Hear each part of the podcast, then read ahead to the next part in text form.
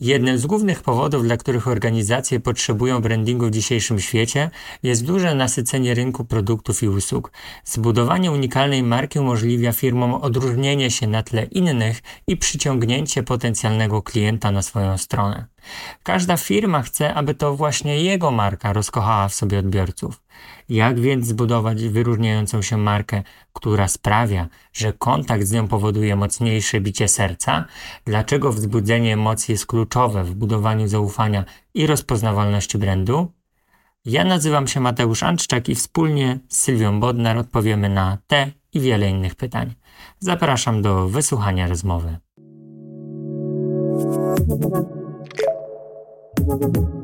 Słuchasz podcastu Strefy Designu Uniwersytetu SWPS. Więcej merytorycznych materiałów o projektowaniu znajdziesz na design.swps.pl oraz w kanałach multimedialnych naszego projektu na YouTube i Spotify. Zapraszamy!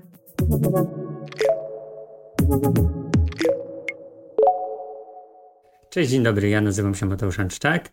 A ja nazywam się Sylwia Bodnar. I witamy Państwa w kolejnym spotkaniu mm, pod e, tytułem Praktycznie o projektowaniu. Kolejny raz E, kolejny miesiąc, kolejne spotkanie mm, i kolejny wątek związany z projektowaniem e, marki, projektowaniem tożsamości, brandingiem. Tych haseł mógłbym teraz rzucić e, pewnie jeszcze kilka, ale wyjątkowy kontekst. Przyszedł luty. Luty jest chyba kojarzony tak najmocniej z tym świętem miłości, walentynkami. No i tak postanowiliśmy wspólnie z Sylwią dzisiaj podyskutować na temat tego, czy w, w marce w ogóle można się zakochać. To jest chyba jedno z pytań, na które musimy dzisiaj sobie odpowiedzieć. E, no i jak ewentualnie coś takiego uzyskać, jak do tego dążyć tak patrząc z perspektywy osób, które tymi markami e, zarządzają. Ale szanowni Państwo, zanim e, przejdziemy do właściwego tematu, do właściwej dyskusji, chcielibyśmy Państwa do tej dyskusji zaprosić.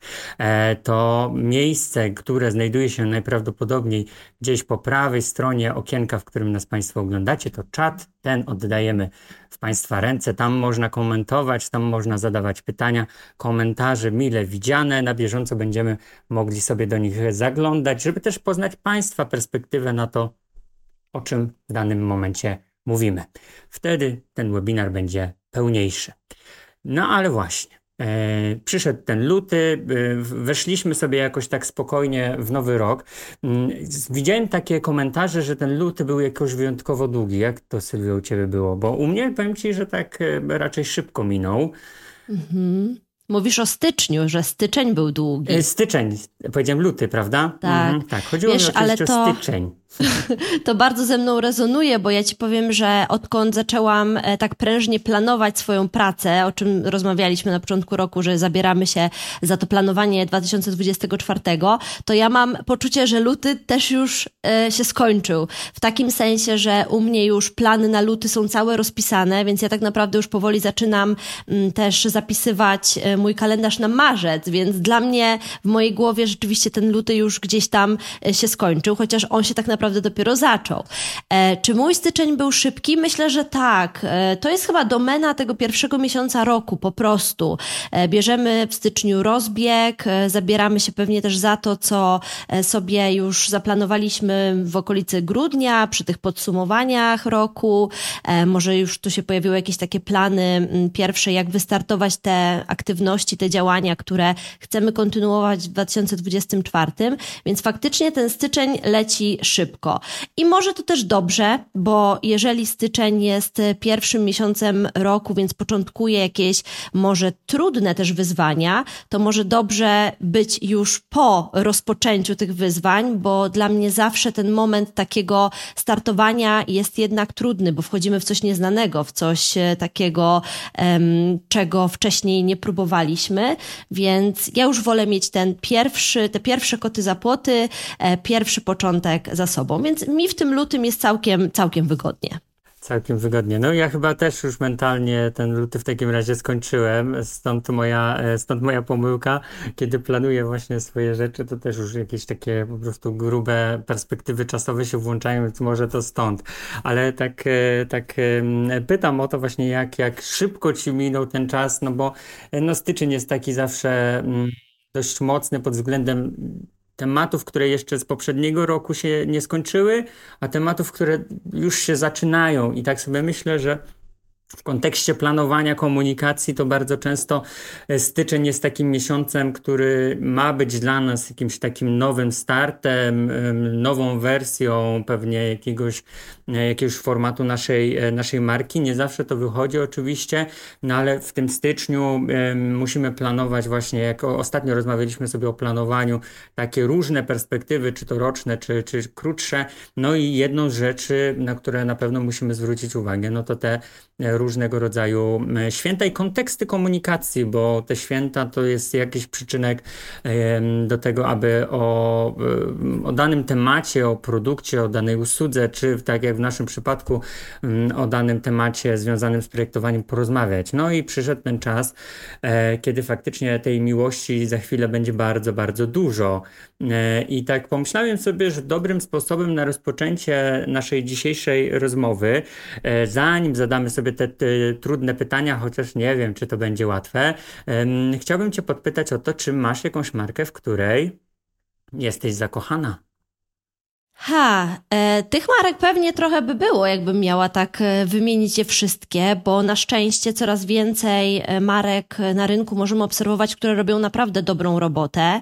E, ja może zacznę od takiego e, powiedzenia, czy, czy podzielenia się tym, co, czym dla mnie jest taka marka, czy jaka to marka, której ja w ogóle mogłabym się zakochać, czyli jaki, jaki jest e, taki główny filar, który dla mnie marka musi mieć, żebym ja była w stanie się w niej zakochać. I to jest chyba marka, która kocha ludzi. W takim sensie marka, która kocha swoich klientów, marka, która kocha swoją pracę. Um, bo tą pasję i to zaangażowanie, mm, też w zrozumienie potrzeb swoich potencjalnych klientów bardzo mocno w komunikacji widać. I ja lubię, kiedy to w komunikacji widać. To jest dla mnie wtedy taki znak, że ta firma, ta marka dba o swoich klientów i że jej priorytetem tak naprawdę jest, czy to tworzenie produktów, usług właśnie pod potrzeby swoich potencjalnych klientów, czy tworzenie komunikacji po to, nie tylko, żeby coś sprzedać, nie tylko, żeby zaprezentować mm, w najlepszym świetle to, co oferują, ale też, żeby czerpać z tego przyjemność, żeby zapraszać do swojego świata przeżyć odbiorców, żeby też wnieść do tego świata jakąś taką kreatywną lekkość, świeżość, coś nowego, tą wartość dodaną.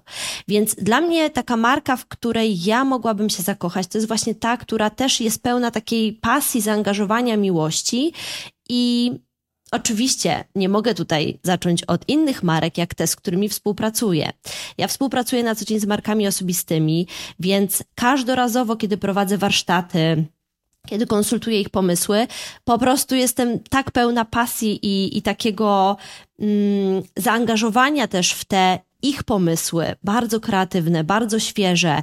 Yy, też bardzo podziwiam moje klientki za taką odwagę bycia sobą we własnych markach.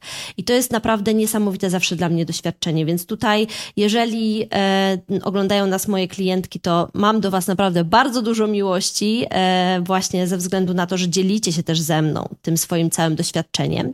A jeśli chodzi o takie marki, powiedzmy, może bardziej globalne, to myślę o pierwsza, która przyszła mi do głowy, tu muszę być szczera, jest to marka Patagonia.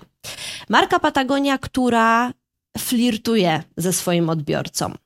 Marka Patagonia, która potrafi powiedzieć w swojej komunikacji o produkcie w taki sposób, że nie tylko dowiadujemy się o tym, co w tej ofercie mają, ale zwracają nam też uwagę na ważne mm, tematy środowiskowe, na ważne tematy związane z aktywizmem społecznym, czyli znów wartość dodana. Ok, robimy biznes, ale robimy też coś dobrego dla świata, czyli wykorzystujemy ten kontekst biznesowy do tego, żeby zrobić coś dobrego dla świata. I to z ich komunikacji bardzo mocno widać. I to jest marka, w której chciałabym też, żeby coraz więcej ludzi się zakochiwało. Bo jeśli będziemy kupować produkty od marek e, zrównoważonych, od firm, które dbają o te aspekty środowiskowe i, i społeczne, e, no to ten świat będzie po prostu piękniejszy i, i, i na, to, e, na to liczę. A drugą marką jest marka kosmetyków, żeby tak trochę może z innego świata. Jest to marka Glossier która z kolei zachwyca mnie tym, w jaki sposób budują społeczność. Mm, robią to genialnie, bo wykorzystują w swojej komunikacji taki bardzo bezpośredni język, lotny język, często jest to język dokładnie jakby swoich klientów. Wykorzystują memy, wykorzystują gify, są tak blisko klienta i tego odbiorcy komunikacji, jak tylko się da. I stąd też właśnie ta e, ich miłość do tego klienta, do tego, w jaki sposób on się wypowiada i czego on tak naprawdę potrzebuje. Bardzo fajnie tak naszkicowałaś trochę, skąd ta miłość się też może wziąć do marki. Myślę, że za chwilę sobie ten, e, ten temat rozwiniemy. Ja, jak zdradziłem e, Ci przed naszym spotkaniem, próbowałem trochę rozłożyć, co taką miłość może spowodować w kontekście marek e, i stworzyłem taki algorytm, nie wiem czy pełny, e, szanowni państwo, czy to jest czy to jest finalna wersja tego, tej kalkulacji, którą trzeba zrobić, czy jeszcze mm, czegoś tam brakuje, pewnie tak, ale próbowałem gdzieś ten temat rozłożyć na czynniki pierwsze, o czym, o czym za chwilę, ale te przykłady, o których mówisz, e, właśnie bardzo fajnie pokazują to, jak wcześniej to zdefiniowałaś, że ten człowiek, on jest jednak w centrum e, i ten nasz produkt jest jedynie metodą, aby, mm, czy narzędziem, aby pomóc temu konkretnemu człowiekowi coś osiągnąć. E, I to jest bardzo fajna, myślę, mm, to powinna być w ogóle strategia myślenia o produkcie bądź usłudze, ale też to jest fajna strategia do pokazania w reklamach, o których rozmawialiśmy sobie jakiś czas temu, kiedy e, to te reklamy właśnie pokazują nam ten świat przeżyć, o którym, o którym wspomniałaś, ale one pokazują nam, jak może wyglądać Twoje życie, kiedy ten produkt już u Ciebie będzie, czyli jak pomożemy Ci zmienić to Twoje życie, odpowiadając na te problemy, które masz. I myślę, że to jest e, super, bo to te wartości, mm, które płyną za tym produktem, stają się e, niejako ważniejsze niż e, sam produkt, co y, z jednej strony jest dobre, myślę, co z drugiej strony też y, oczywiście mogłoby y, budzić pewne, pewne zagrożenia, jak sobie tak myślę o, o, o produkcie właśnie.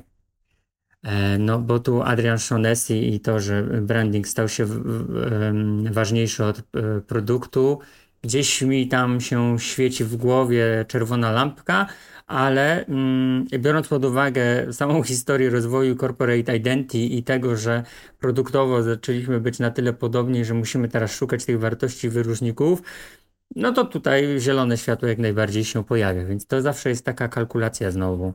E, na ile produkt, na ile wartość e, i, i, i jak to e, ze sobą połączyć.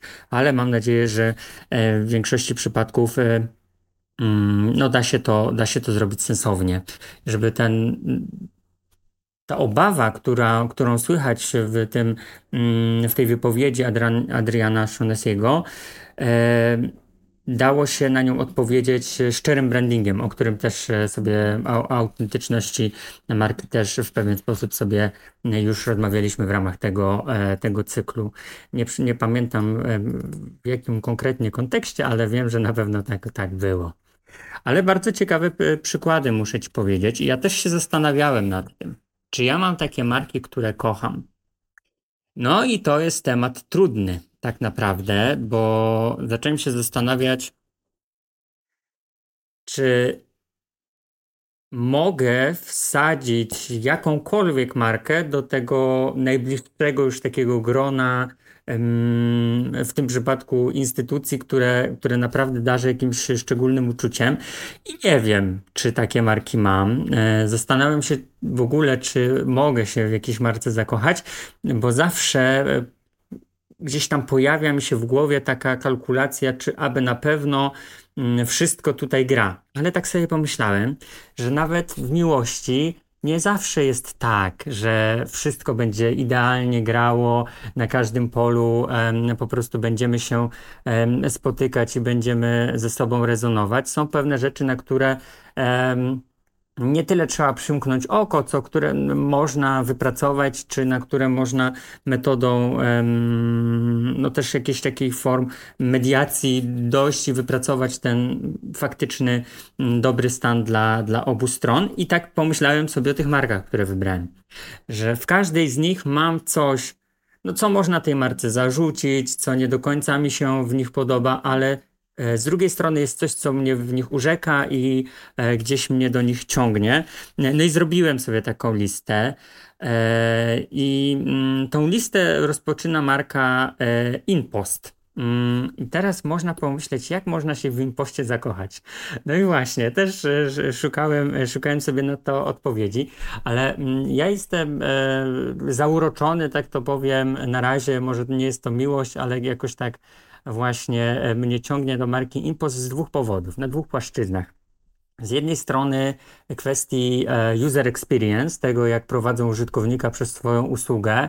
Um, uwielbiam mikrointerakcje w ich aplikacji, e, to, że w wielu przypadkach ich rozwiązania były dla tego sektora rynku w pewien sposób innowacyjne i wprowadzali coś nowego.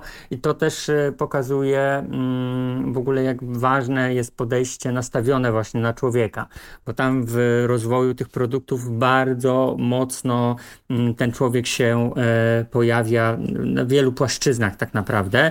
No ale z drugiej strony, jak już pomijam kwestię samej usługi, no to pojawia się ten wątek komunikacji. I ta komunikacja w wielu przypadkach jest trafna, puszczająca oko. Hmm, oczywiście czasami e, powodująca jakieś, budująca jakieś kontrowersje lekkie, mm, ale e, kiedy tak patrzę na to z szerszej perspektywy, to wydaje mi się, że mm, całkiem sprawnie rozgrywają komunikowanie usługi, która nie do końca jest sexy. No bo jak teraz opowiadać o tym, że masz skrzynkę, w której dostajesz swoje paczki? No tam nie ma zbyt dużo filozofii do opowiadania, więc e, takie komunikowanie różnymi właśnie e, też e, kontekstami, które się wydarzają w, w, komunikacji w ogóle w naszym świecie, fajnie im wychodzi, więc gdzieś tam ten impost jest, nie wiem na którym miejscu, bo chyba nie tworzyłbym listy, jakiejś hierarchii, ale ale, ale gdzieś tam jest. Nie wiem, jakie masz, masz jakieś emocje do marki InPost? Wiesz co, ja mam e, jak najbardziej emocje do marki InPost, szczególnie, że e, marka InPost ma swojego brand hero, więc myślę, że o tyle też jest łatwiej czuć e, jakąś miętę do InPosta, bo czujemy miętę też do jakiejś takiej postaci, do jakiegoś takiego naszego kumpla, który nam tam pst, robi pst, masz paczkę, czeka na ciebie.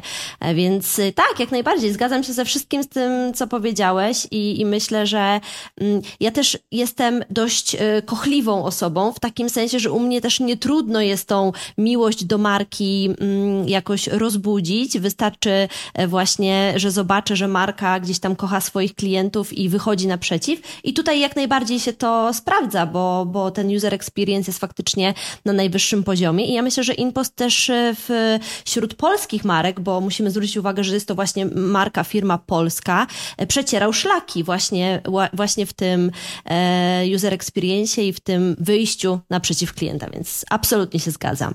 To super, super, e, że, że, że masz podobne odczucia, ale złapałaś mnie.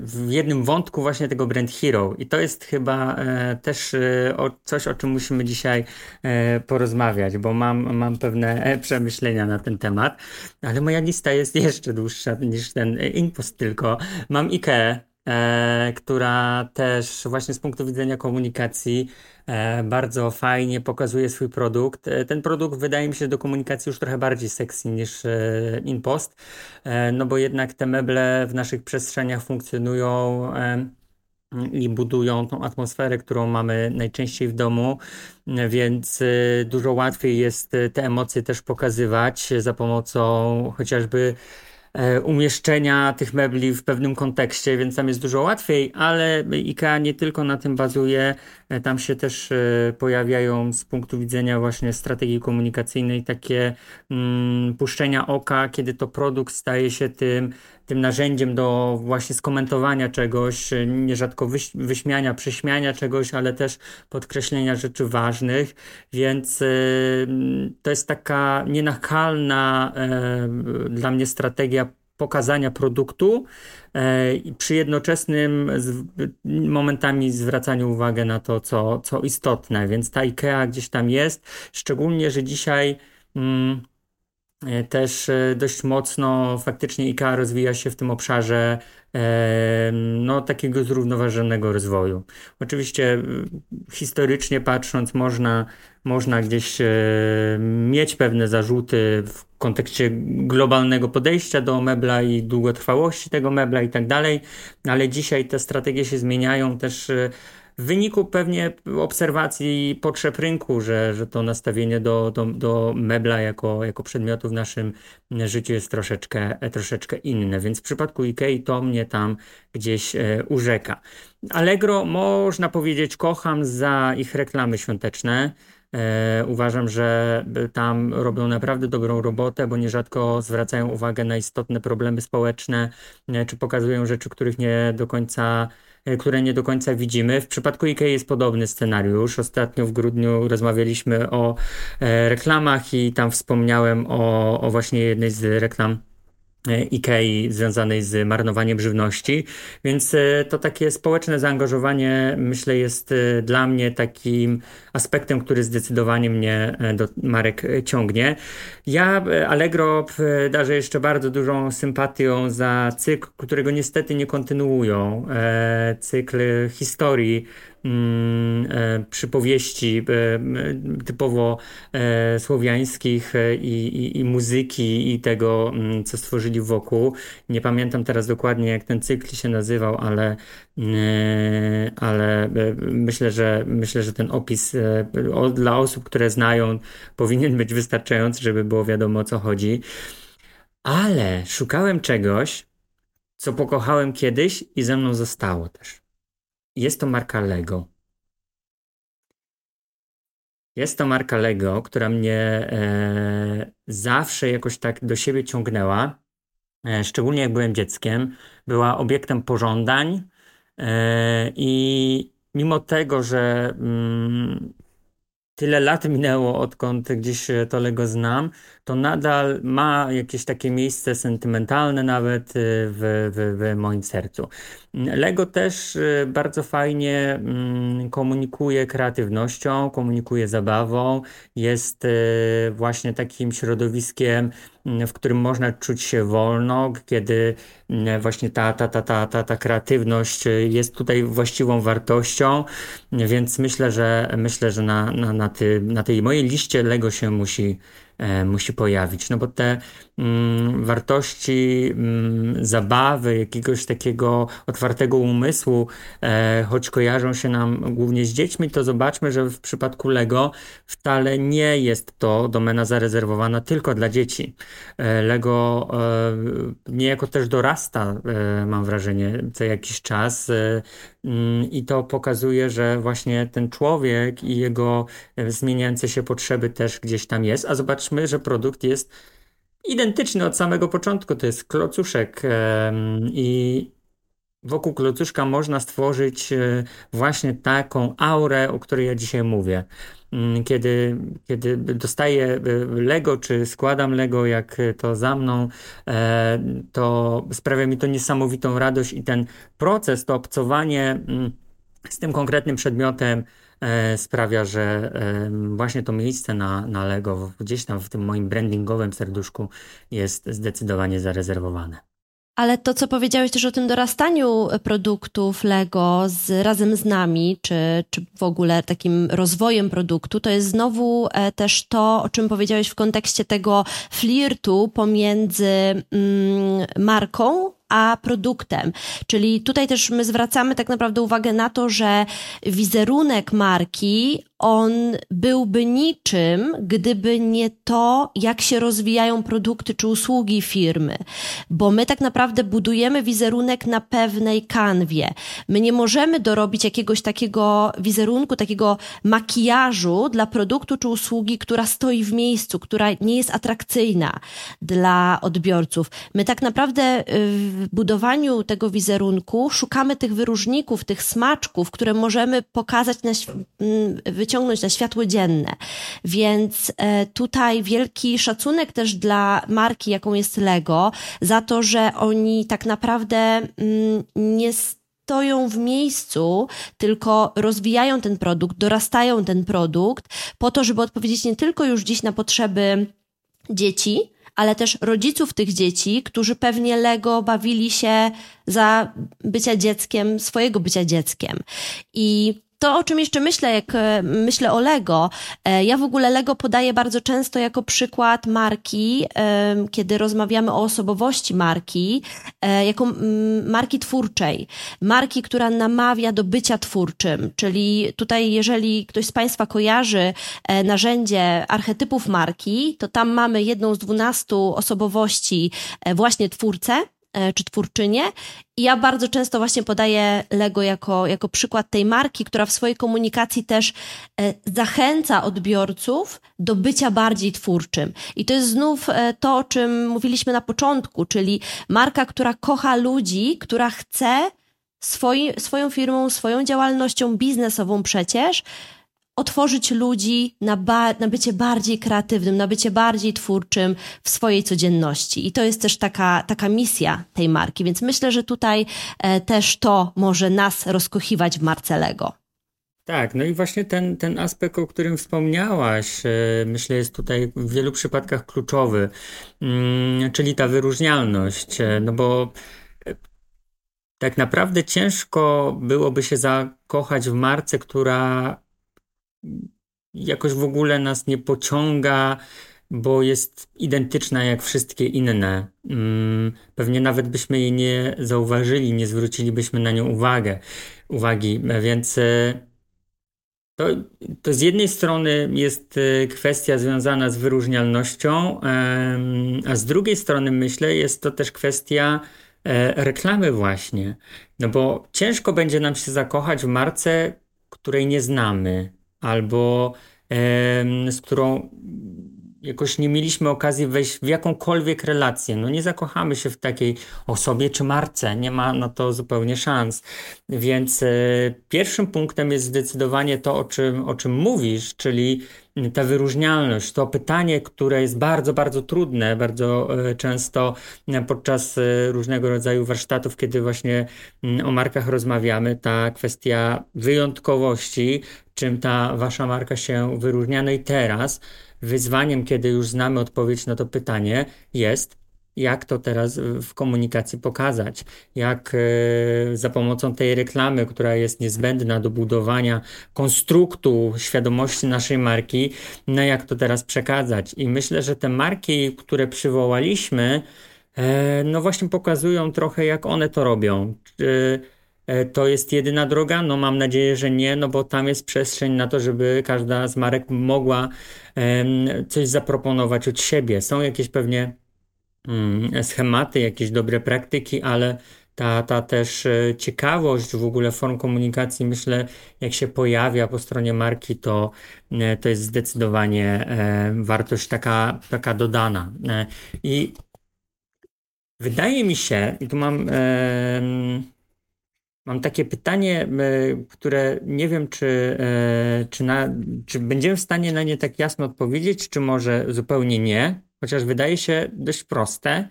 Mm, ale czy uważasz, pracując z małymi markami, że łatwiej zakochać się w małej marce? Bardzo dobre pytanie. Chciałabym odpowiedzieć od razu z buta, że tak, e, dlatego że e, ta moja miłość do małych marek jest faktycznie e, dość duża. I czuję pewną solidarność z małymi markami. Na to, co mogę powiedzieć na pewno, to to, że duże firmy, duże marki mogą się bardzo dużo nauczyć od małych marek. Również dlatego, że małe marki zwykle mają w sobie więcej empatii i więcej właśnie tej miłości też do swoich odbiorców, do swojego mm, klienta. Te marki też, małe marki, powstają bardzo często z miłości do jakiegoś zawodu, do, do swojego zawodu, do tego, czym się zajmują. Więc tutaj też e, myślę, że pod tym kątem łatwiej jest małej marce zbudować pewną rozkochującą komunikację.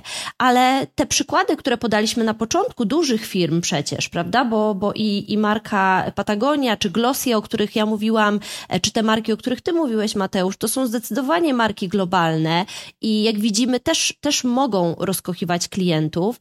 Ja myślę, że w ogóle mm, to jest też ważne, jeśli chodzi o taką, takie budowanie kultury organizacji. Um, zatrudnianie ludzi, którzy potrafią rozkochiwać e, swoich mm, odbiorców. Jeśli mamy jakiś dział marketingu e, w Ikei, czy właśnie w Patagonii, czy, czy gdziekolwiek, gdzie um, dzieje się taka komunikacja blisko klienta i tam mamy ludzi, którzy lubią swoją pracę i którzy podchodzą do tej swojej pracy też jako do wciągania odbiorcy komunikacji, czy odbiorcy tej marki w ogóle, e, jak do pewnego wyzwania, właśnie jak do takiego flirtu trochę. E, ja myślę, że to jest w ogóle taka dobra referencja, ten flirt. Kiedy marka flirtuje z klientem, czyli próbuje wciągać go do tej wspólnej jakiejś misji, do jakiegoś współdziałania, to już jest ten moment, w którym będzie nam dużo łatwiej się w tej marce, w tej firmie e, rozkochać. Więc ja myślę tak, że w każdej firmie, w każdej marce y, można się rozkochać, jeśli ona buduje taki unikalny świat przeżyć. Pewnie małym markom będzie łatwiej budować tą komunikację taką bardzo bezpośrednią, bardzo bliską e, swoich potencjalnych klientów. Też dlatego, że to są zwykle marki po prostu, e, które nie potrzebują też skoordynować pracy tak wielu osób. Jeśli jest solo przedsiębiorca czy solo przedsiębiorczyni, no to to jest jedna osoba, która po prostu działa według swojego swojej pasji, swojego, czy, czy jakiejś wiedzy, którą pozyska. Natomiast w większych firmach z pewnością jest to też większe wyzwanie, żeby skoordynować jakiś e, dział marketingu, który będzie mm, miał tyle samo też serca i pasji do wciągania tego odbiorcy w komunikację chociażby. No i właśnie tak sobie myślę, że w przypadku małej marki o tyle może być łatwiej, że tam faktycznie jest ten człowiek. Ten człowiek jest namacalny, tak jak rozmawialiśmy mm, o tym przy okazji mm, webinaru, czego może sobie zazdroszczyć, czego mogą zazdrościć sobie duża i mała marka. Państwa zapraszamy oczywiście do obejrzenia, bo myślę, że tam tych takich wątków różnic i, i, i przewagi bądź, mm, bądź waty konkretnych rozwiązań jest, jest dużo.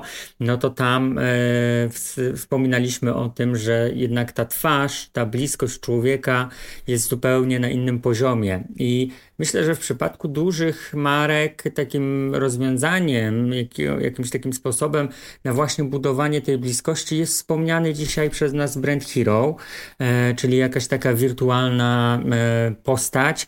Ja na przykład bardzo e, do dzisiaj pamiętam mocno Serce i Rozum, e, które mm, o też takim średniej, e, tutaj powiedział, nie pociągający za bardzo e, temat, opowiadały w żartobliwy sposób i przybliżały mm, no właśnie charakterystykę tej organizacji, ale też innym rozwiązaniem, jeżeli nie Brand Hero, bo myślę, że moglibyśmy wywołać lawinę teraz Brand Hero, są ambasadorzy marek. Stąd wydaje mi się, dzisiaj takie wzięcie na influencerów, e, żeby mieć tego człowieka, który jest twarzą, którego już ktoś pokochał, więc łatwiej jest no, zawierzyć osobie, która pokochać też coś za pośrednictwem tej osoby, której wierzymy i którą, którą kochamy. Czyli w przypadku małej marki, no mamy tego człowieka, który jest ambasadorem samym e, dla siebie, dla swojej marki,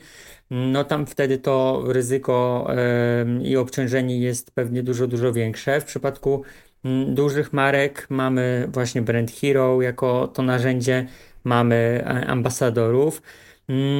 No ale tak e, sobie myślałem, że te marki, które podałem, jak Allegro czy i, no Impost ma Brand Hero, ale Allegro na przykład nie ma. Więc to nie jest jedyna metoda, żeby tą, tą bliskość i tą tą miłość wywołać. Mm, pewnie dużo łatwiej jest nam zakochać się w czymś konkretnym, co, e, co jeszcze przypomina nam e, konkretnego, realnego człowieka, mm, ale to całościowo e, istotna jest ta komunikacja. Więc kiedy tak stawiałbym jakieś, przepraszam, stawiałbym jakieś wyzwanie przed markami, to zastanowiłbym się właśnie nad tym, e, jak, e, chcia, jak chcę sprawić, mm, że mm, ta osoba, ta osoba, ten odbiorca zwróci na mnie uwagę, to po pierwsze, a po drugie, jak tą uwagę podtrzymam, żeby ten ktoś ze mną został, bo im dłużej ze mną jest, tym e, no, łatwiej jednak zbudować tą, tą relację. To są chyba takie dwa wiodące wyzwania, myślę tutaj.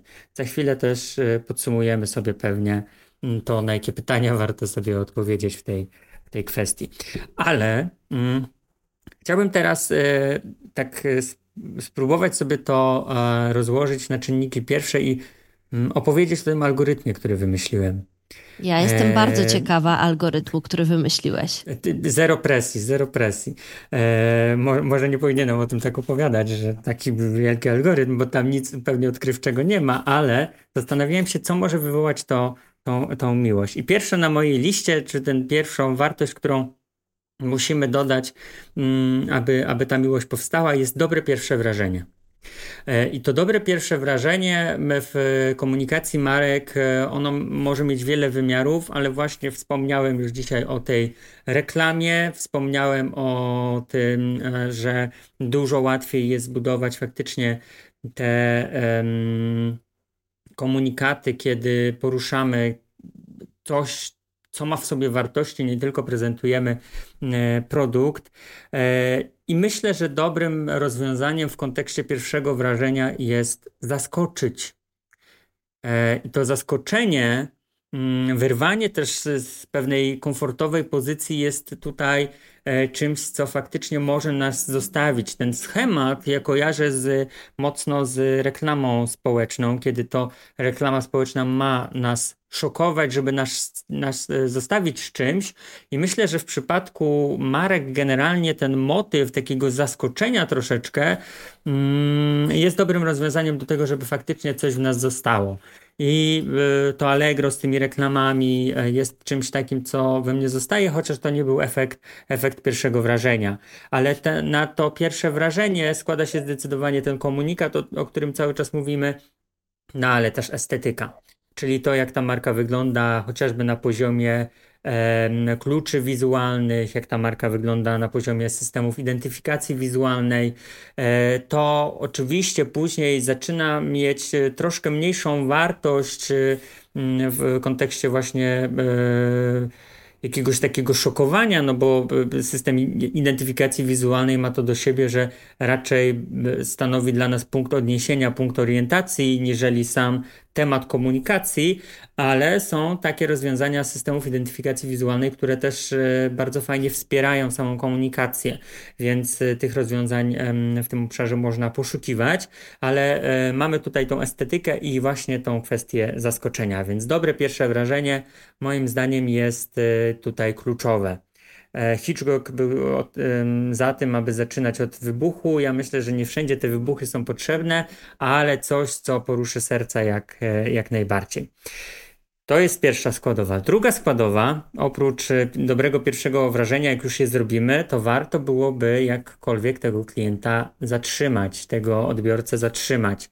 Mm, no i wspólne tematy, to jest ta wartość. Wspólne tematy, wspólne wartości to jest dokładnie to, co jest w stanie gdzieś nam spajać tą markę. O tych wartościach mówiliśmy, ale te wspólne tematy mm, to tak naprawdę jest e, ten temat e, produktu może być gdzieś tym nośnikiem, tak jak w przypadku IKEA, ale ten produkt nie zawsze w e, tych naszych komunikacjach musi być na pierwszym miejscu, a coś, co będzie wspólne dla tych osób, które wokół marki są zorganizowane.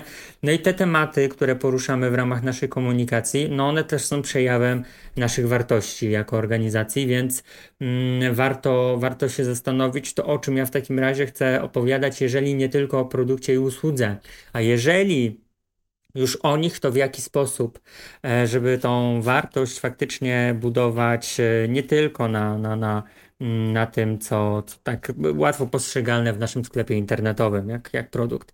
No ale dobrze nam się gada z tą marką, lubimy jej słuchać, czy wymieniać się z nią mm, jakimiś e, informacjami. To szczególnie E, właśnie e, w książce Odwracanie marki było poruszane, że teraz ta komunikacja jest, jest tak mocno dwustronna, no to gadamy sobie z tą, z tą marką.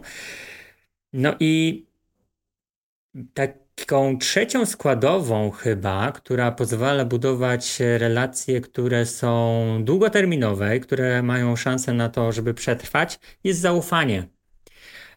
I to zaufanie to oczywiście produkt przede wszystkim, no bo ciężko będzie zakochać się w marce, która komunikuje, że ma e, produkt, który ułatwi ci życie, ma produkt, który jest ekologiczny, a później koniec końców okazuje się, że zupełnie tak nie jest. I pojawia nam się w głowie czerwona lampka, że może nie do końca jest e, tak, jak jest nam komunikowane, więc e, kwestia spójności tutaj wchodzi, e, wchodzi w grę. Sam produkt, kiedy jest jakościowy, no to dużo łatwiej jest nam się zakochać, kiedy produkt spełnia nasze oczekiwania, na te oczekiwania budowane są między innymi przez reklamę, czyli nie tyle opowiadamy teraz jak ten produkt jest super, jak, e, jak może zmienić Twoje życie, ale później to realizujemy, czyli ten świat przeżyć, który kreujemy w reklamie, musi być później namacalny i dostrzegalny przez naszego odbiorcę, kiedy już ten produkt ma. To jest jedna rzecz, no i ta spójna komunikacja jako całość. No bo nie może być tak, że nagle e, marka zmienia totalnie podejście do czegoś, e, nie argumentując tego, no bo zmiana jako taka jest naturalna, ale bez argumentacji, bez wprowadzenia e, tych odbiorców w pewien proces e, może wywołać e, różne, zazwyczaj negatywne faktycznie emocje.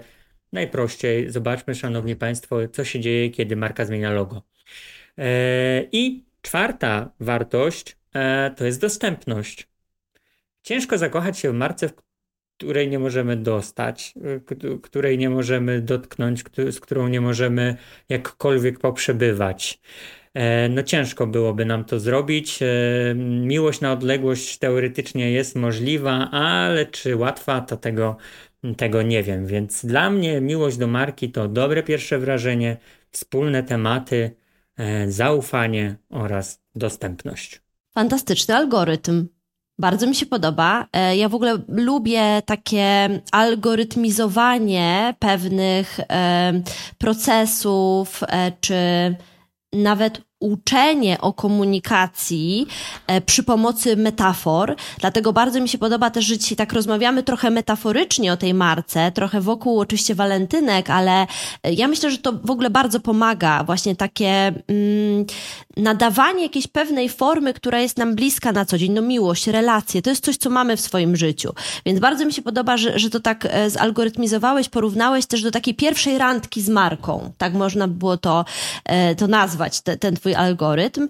I e, ja sobie tutaj tak wypisałam mm, do każdego z tych etapów czterech e, po jednym przykładzie, e, taki, taki, takim dodatkowym może z mojej perspektywy, właśnie z pracy z małymi markami, z markami osobistymi, jak moglibyśmy jeszcze ten algorytm czy te kolejne kroki wykorzystać właśnie w komunikacji. I tu na pewno przy tej miłości od pierwszego wejrzenia, czyli na tym etapie pierwszym pomyślałam sobie o tym, że Efekt wow, zdecydowanie super, no bo jeśli wchodzi na randkę ktoś, kto po prostu wygląda fenomenalnie i zwala z nóg, to oczywiście jest to e, przepis na sukces, ale ja sobie myślę też, że często odbiorcy komunikacji, kiedy pierwszy raz od bardzo dawna w komunikacji marki jakiejś firmy usłyszą coś o sobie, coś, co łączy się z ich potrzebą, coś, co wyraża ich jakiś, y, nie wiem, skrywany lęk,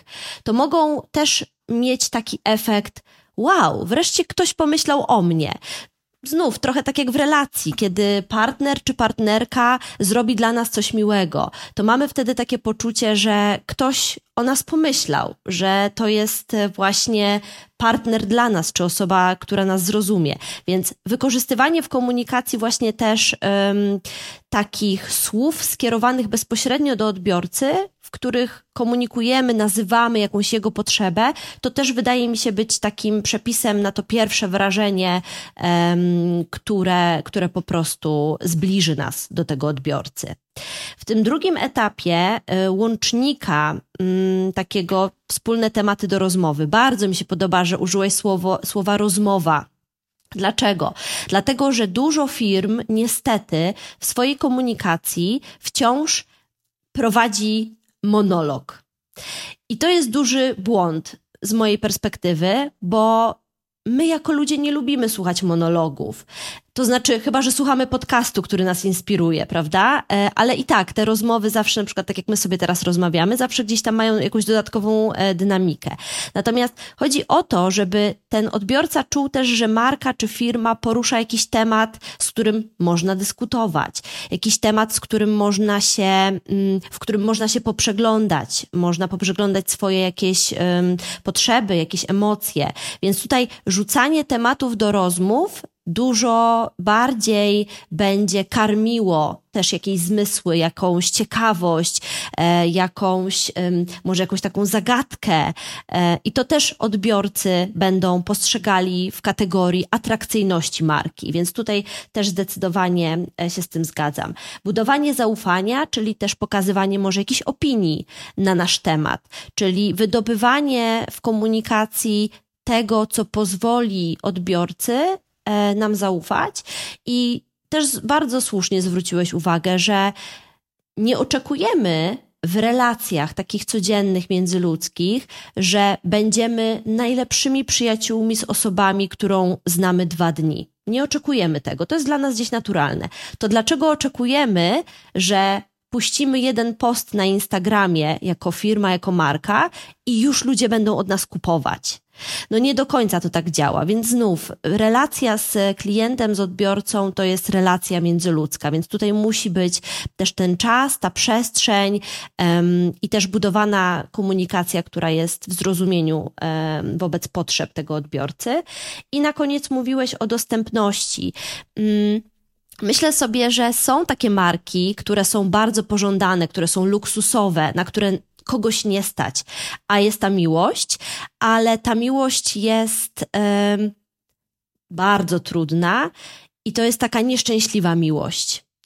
I to jest taka, taka smutna miłość, więc to jest miłość, której też nikomu byśmy nie życzyli. Więc nawet jeżeli pojawia się jakieś pewne pożądanie wobec marki niedostępnej, wobec marki takiej mm, gdzieś tam e, ukrytej dla nas tak naprawdę przez cenę, czy przez to, że jest ona osłonięta, obudowana jakimś murem, to ta miłość będzie zbyt trudna, żeby była w ogóle możliwa. Więc też się z tym zdecydowanie zgadzam. Tak widzę Twój algorytm. Super, ale właśnie bardzo mnie zaciekawiłaś tą kwestią e, jednak niedostępności jako e, tym elemencie e, pożądania. E, I to jest e, całkiem ciekawy, ciekawy też wątek w ogóle myślenia o tym, jak, jakie strategie można przyjąć.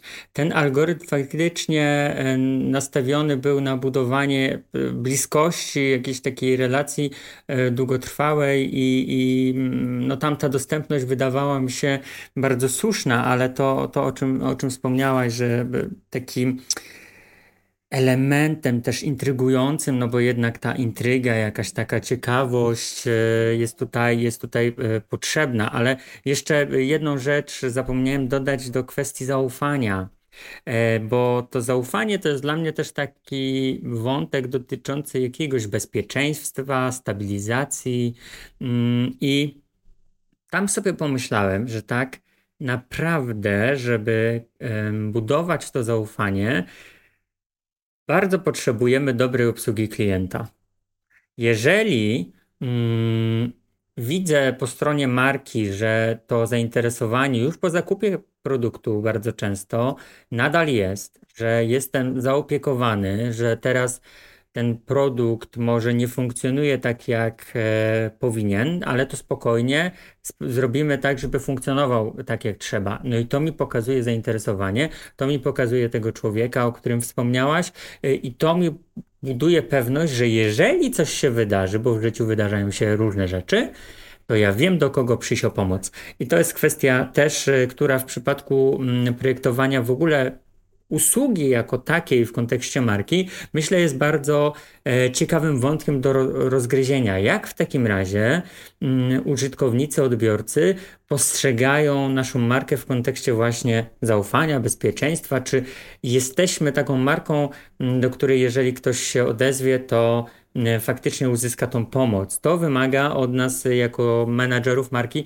dużego zainwestowania też w tych klientów, którzy z nami są, no bo chcemy ich zatrzymać. Kiedy mówimy o usłudze która no nie do końca nastawiona jest na to, że chcemy kogoś zatrzymać, no to tam ta obsługa klienta może być nawet na, na niskim poziomie, ale pytanie, czy chcemy takie marki budować. Ja mam przykład takiej marki, jest to e, przykład marki iRobot, e, która mm, no, tam jeździ ten odkurzacz, czasami coś tam sobie sprząta. No i w pewnym momencie zaczął brzmieć troszeczkę inaczej. No ja skontaktowałem się z obsługą klienta, która niemalże za rękę poprowadziła mnie przez ten proces, żeby e, przywrócić ten produkt do e, właściwej formy. E, I to zbudowało takie mm, faktycznie we mnie duże zaufanie do tego, że jeżeli coś z tym produktem się stanie, no to będę wiedział, do kogo się o pomoc udać. I to bezpieczeństwo, poczucie stabilności, myślę, jest tutaj też e, też kluczowe. Ale słuchaj, Sylwio, na czacie chciałaś, chciałaś coś powiedzieć chyba, tak? Chciałam tylko dodać, że z naszego polskiego e, świata marek Basic Lab, marka, która e, oferuje m, mm, kosmetyki, jest właśnie marką, która bardzo często jest wybierana również jako duży argument ze względu na obsługę, świetną obsługę klienta. Ogromne poczucie zaufania, szczególnie w takiej kwestii, która jest związana właśnie z wyglądem twarzy, prawda? No bo kosmetyki tutaj mają ogromny wpływ na to. Także, y, żeby tak zostawić taką wisienkę też w formie naszej polskiej marki. Świetnie. Eee, myślę, że drodzy Państwo też możecie na czacie pisać o tym, jakie marki e, kochacie, jakie marki wywołują konkretne u Was e, emocje, e, być może właśnie jak ta obsługa klienta buduje tą, tą relację, e, ten, ten czat zostawiamy. Ale właśnie na czacie pojawiło, e, pojawiło się pytanie. Mm, marka, która e, wywołała na nas pozytywne wrażenie w minionym roku.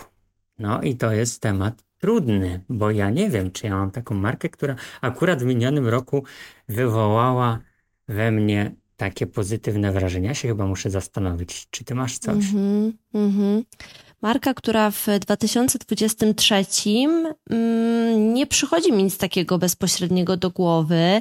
E, ja myślę, że na pewno marki, które są też konsekwentne w tej komunikacji, to byśmy musieli chyba pomyśleć o marce, która na przykład wyszła na rynek w 2023, przynajmniej tak z mojej perspektywy, dlatego że mm, ja jestem też bardzo wierna y, markom i bardzo lubię, kiedy one mnie właśnie utrzymują w tej swojej komunikacji, regularnie do mnie komunikują.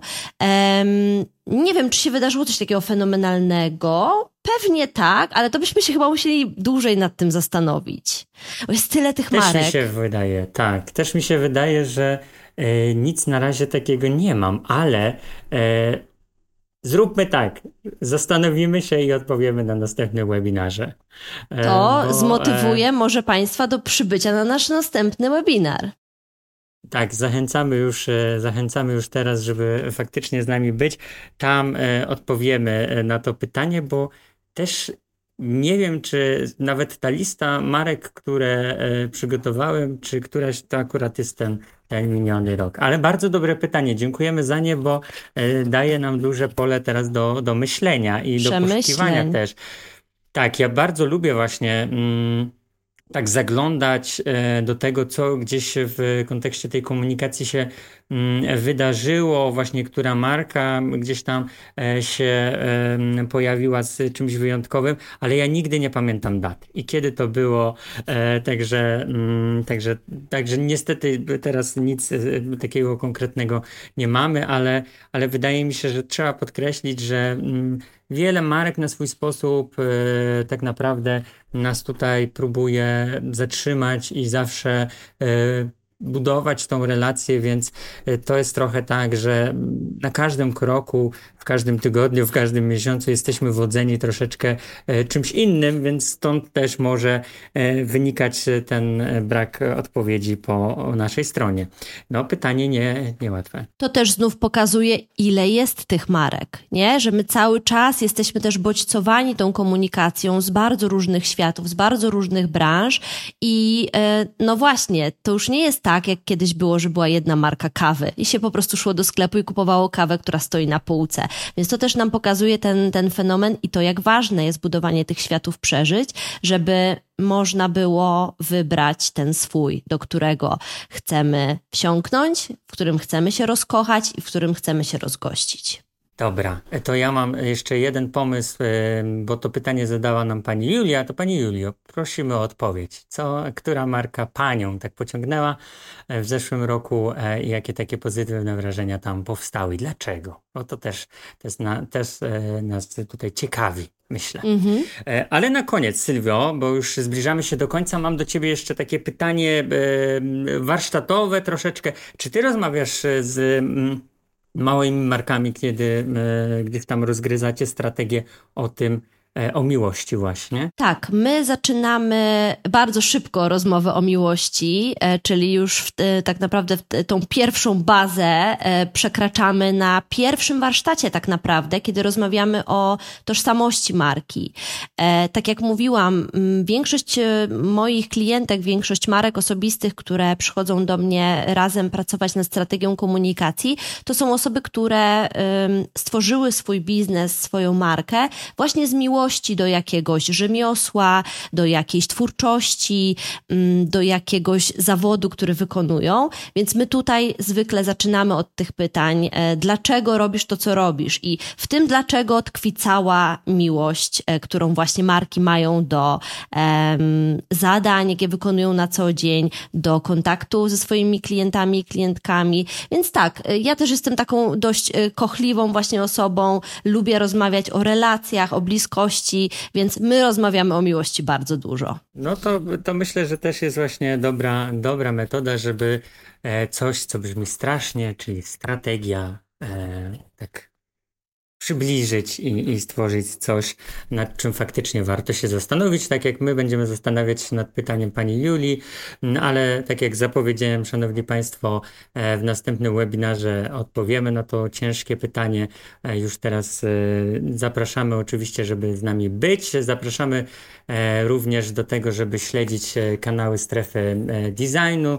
Tam wiele wątków dotyczących nie tylko miłości, ale przede wszystkim projektowania tego, właśnie co i jak można projektować, jakie podejścia są w tym projektowaniu e, istotne, ważne, jakie metody możemy wykorzystać. Także taką listę e, również mógłbym stworzyć bardzo szeroką, ale eksplorację tych tematów zostawiam Państwu.